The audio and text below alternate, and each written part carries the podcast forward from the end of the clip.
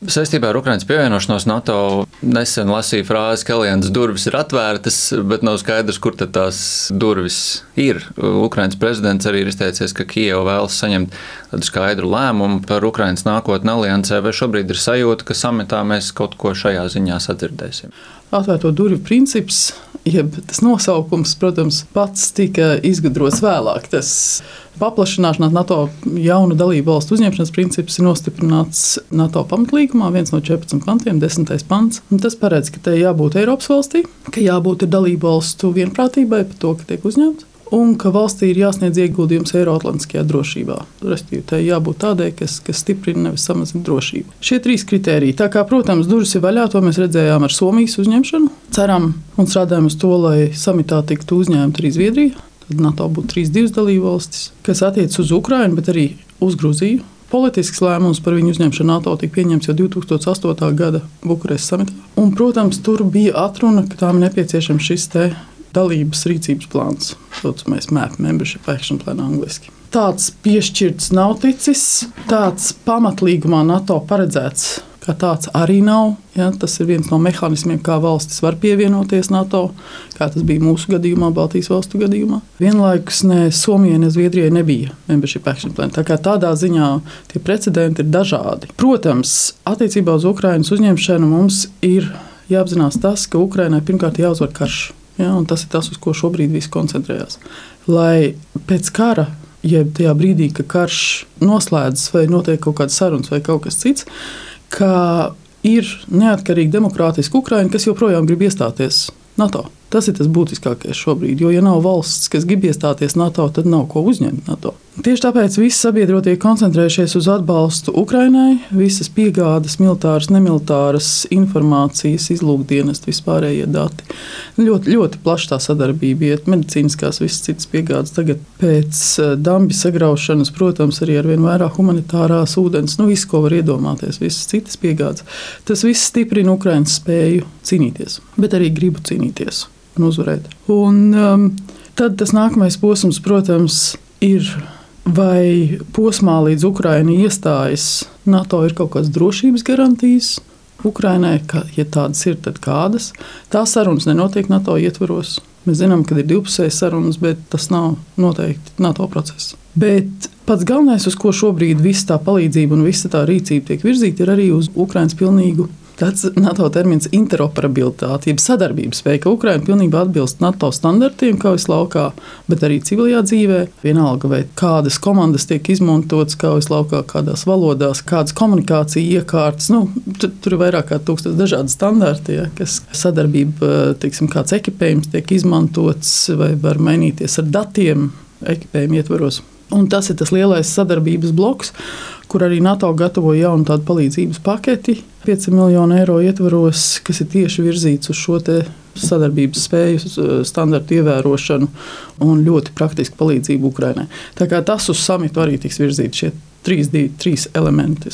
Kā es teicu, viens politiskā tāda politiska vienošanās par to, kāda tā dalība perspektīva, otrs par to, kas ir ārpus NATO, kas ir tādas drošības garantijas vai tādas Ko tas praktiski nozīmē? Un trešais ir viss, kas saistās ar praktisku atbalstu un sadarbību Ukrainai. Šis vārdu salikums drošības garantijas izskan visai bieži. Tagad es saprotu, ka no NATO kā bloka neko saistībā ar šīm kaut kādām uh, drošības garantijām, par ko vispār vēl nav skaidrības, kādas un, un kas tas vispār varētu būt mēs īsti sagaidīt nevaram. Tas ir jautājums divpusējs vai trīspusējs starp kaut kādām valsti vai valstu grupu un Ukraiņiem. Tieši tā, jo NATO savstarpējās drošības, savstarpējās aizsardzības garantijas, tas attiecas uz NATO dalībvalstīm. Tas ir tā saucamais piektais pants, un tā ir NATO pamatbūtība. Tas ir, jā, tas ir NATO dalībvalstīm savstarpēji.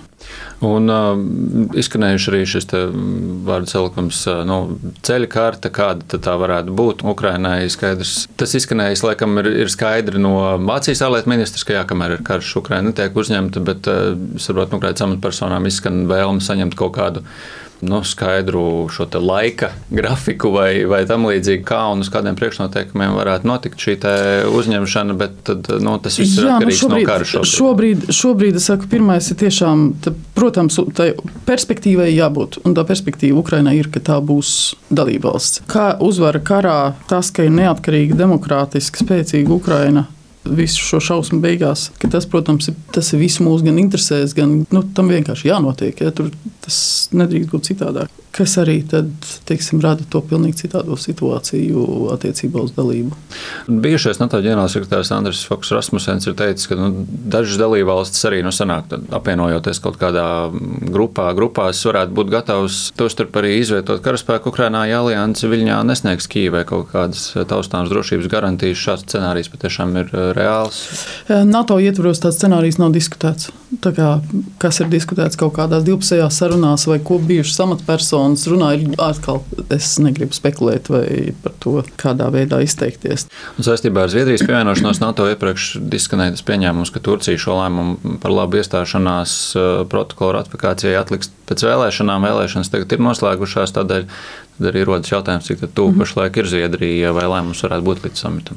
Somija neapšaubāmi gan vairākos likumdošanas punktos, gan kaut kādas izmaiņas, kas bija vajadzīgas, lai pievienotos NATO, kas bija Turcijas bažu pamatā, veids tās ātrāk. Zviedrijai palika vēl vairāki punkti, kas tur, teiksim, noslēdz atcerēties Madrides samitā pagājušajā gadā NATO trīspusēju memorandu, ja, kas nav atkal tas nav NATO dokuments, tas ir viņu trīspusējs dokuments. Un Zviedrijai palika vairāki Turcijas bažu punkti specifiski, kas bija jāatrisina gan attiecībā uz pretterorismu likumdošanu, attiecībā uz ieroču eksportu, ieroču eksporta ierobežojumiem uz Turciju. Un Zviedrija to pakāpeni šobrīd ir veikusi.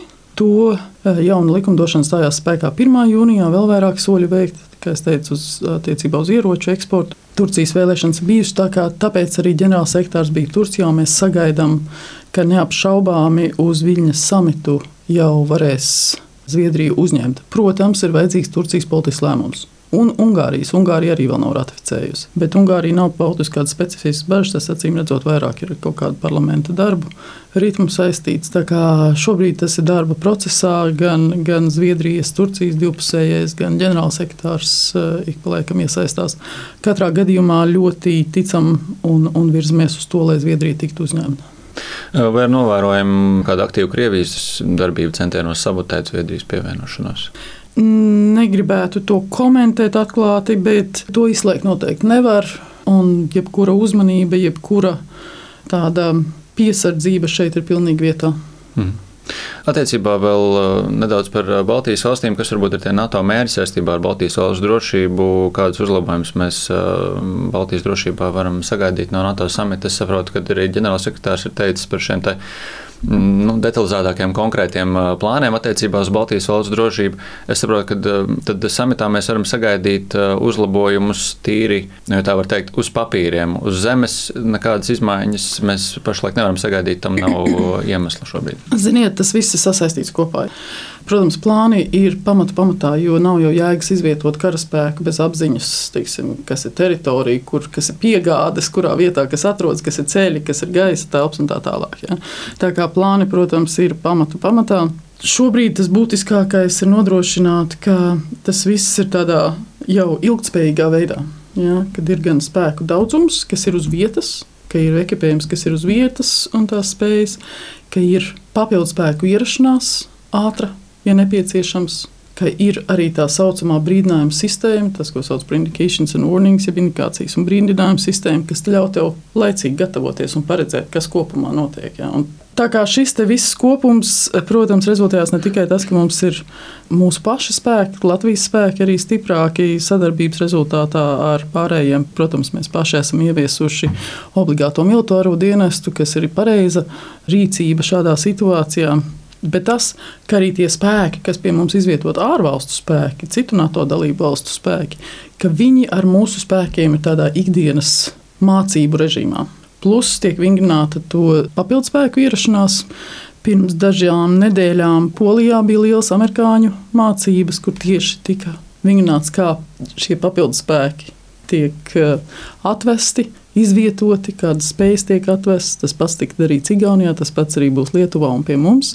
Tas ir veids, kā ne tikai plānus radīt, bet arī kā viņus pārbaudīt, kā to spēkus verificēt. Un neapšaubām papildus aizsardzības izdevumi, kas visām valstīm ir vajadzīgi, lai to visu īstenot. Tas, nu, tā ir mūsu drošība. Ja, tas jau vairs neatiec tikai tāpēc, ka mēs gribam palīdzēt Ukraiņai, bet tā ir mūsu drošība, pašu drošība, kam tas ir vajadzīgs. To valstis saprot, un tāpēc arī tas viss tiek darīts. Ka tas nav tikai par, protams, par to, ka mums tāda nāks kāda ārēja spēka. Tas ir arī par mūsu pašu spēku, ja, par mūsu, mūsu sabiedrības apziņu, par atbalstu gan zemesardzei, par militāro, obligāto militāro dienestu, par visu mūsu apziņu, par to, ka mēs esam daļa no aizsardzības līnijas, mūsu valsts aizsardzības līnijas. Un viss, kas saistās piemēram ar loģistiku, ar apgādi, ar komunikāciju, ar šiem pretošanos hibrīdu karam, tas tiešā veidā attiecas arī uz mūsu ikdienas eh, civilu iedzīvotājiem. Ja?